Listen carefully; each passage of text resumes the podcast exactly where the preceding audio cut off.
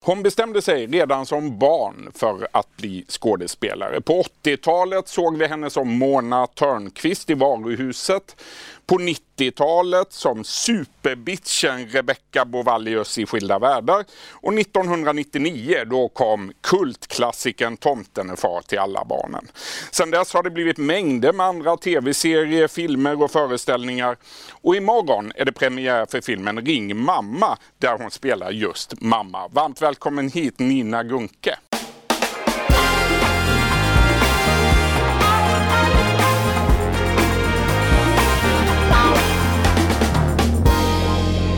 börja från början. Du växte upp på Lidingö utanför Stockholm med två syskon. En pappa som jobbade på Handelsbanken, en mamma som jobbade på Historiska museet. Jajamän. Och så bestämde du dig som femåring för att bli skådespelare. Ja, vänta, ja. Hur kunde du, liksom, hur, hur hamnade du där som femåring? Nej, men jag hade varit med, mamma tog oss till Operan på, eh, och såg en föreställning, Peter Pan. Och då bara fastnade jag för det och det var någonting som snurrade i huvudet hela tiden på mig. Du bestämde dig där ja, och då? Mm. Ja, ja, lite från och till sådär. Jag hade väl andra drömmar också men ja, det var nog det. Vad sa mamma och pappa om dina planer då när, när du kom hem ifrån Dramaten? Ja, men, nej, men jag fick ju gå och, och, och t- titta på pjäser och ehm, gick på barnteater och så.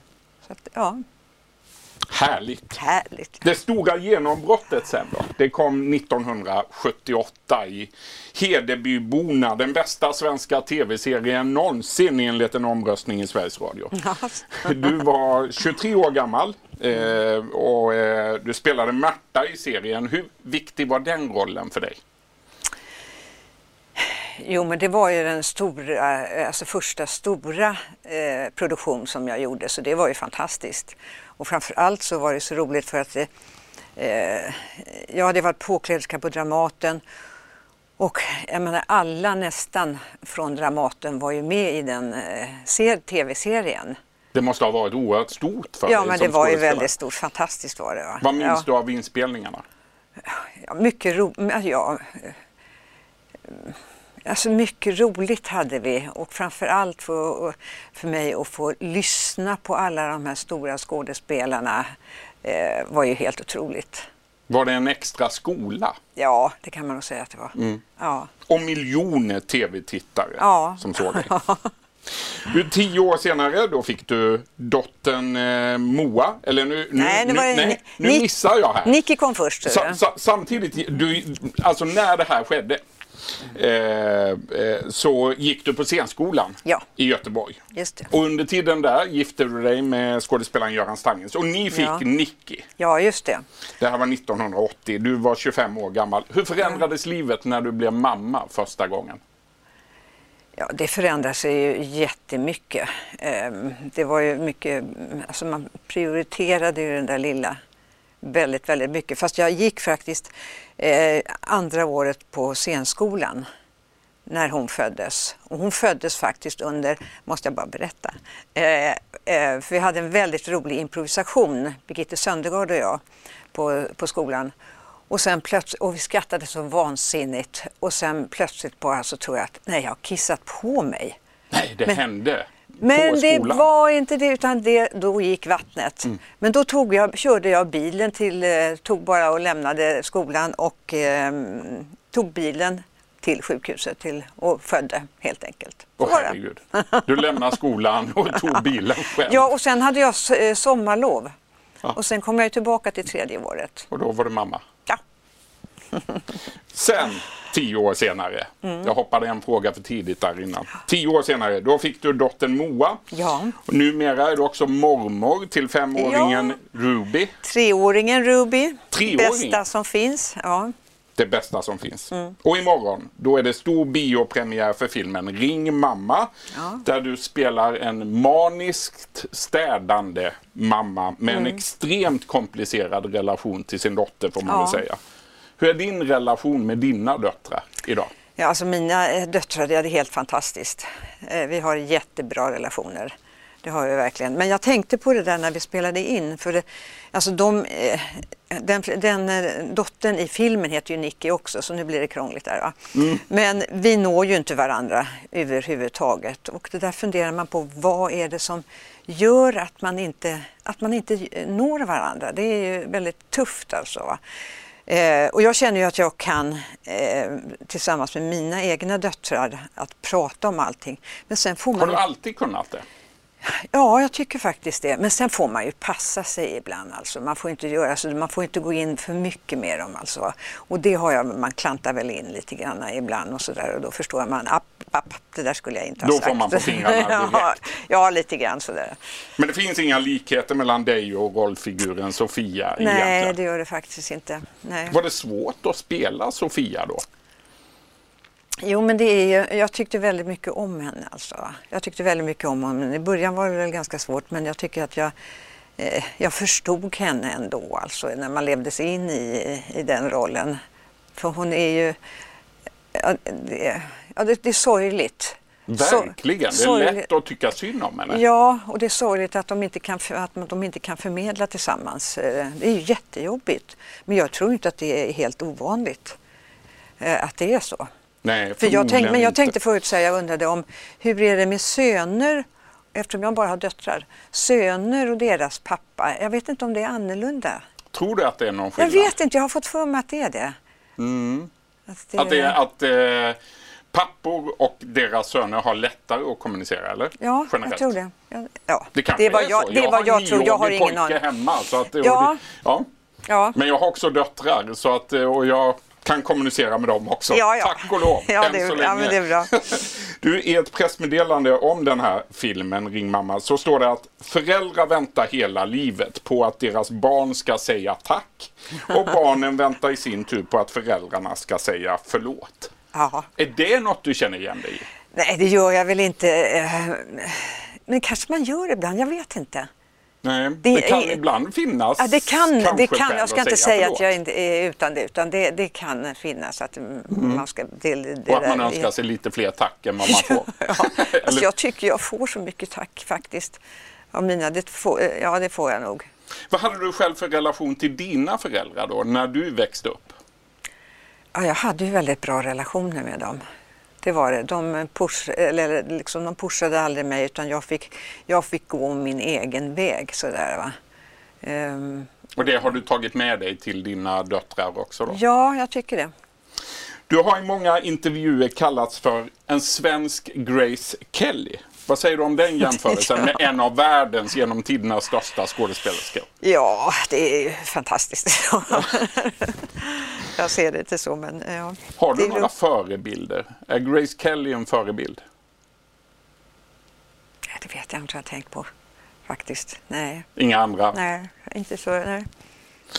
Vid sidan av eh, alla stora roller då i tv och på film så har du i 20 år ingått i Stockholms stadsteaters fasta ensemble. En arbetsplats som... Inte fasta, fast har jag inte varit. Nähä, Nej. men du har jobbat I från Malmö och var jag till. fast. Eh, I Malmö stadsteater var jag fast. Ja, Okej. Ja, och sen Stockholm var jag inte fast. Nej. Nej, okej. Men jag jobbade där. Du har jobbat Ja, ja, från och det har till jag- ja, det har under jag 20 gjort. år.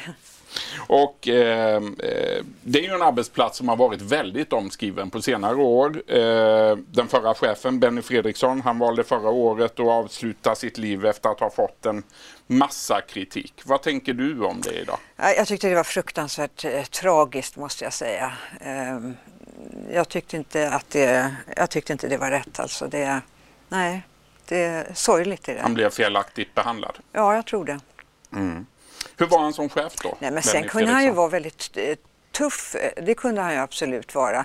Men att det skulle gå så långt, det, han var ju verkligen en gedigen eh, intresse utav teater. Han kunde ju stå nästan under varje föreställning, man tittade ut i a- i applåd, eh, applådtacket så stod han där och tittade in och sådär. Så att det, ja, jag tycker det är tråkigt. Men, Saknar du honom? Jo, men jag saknar ju att han, fin- att han inte finns naturligtvis. Alltså. Du, eh, det här kom ju efter metoo-upproret för två år sedan. Vad har du själv för förhållande till metoo och till det här skådespelarupproret Tystnad tagning?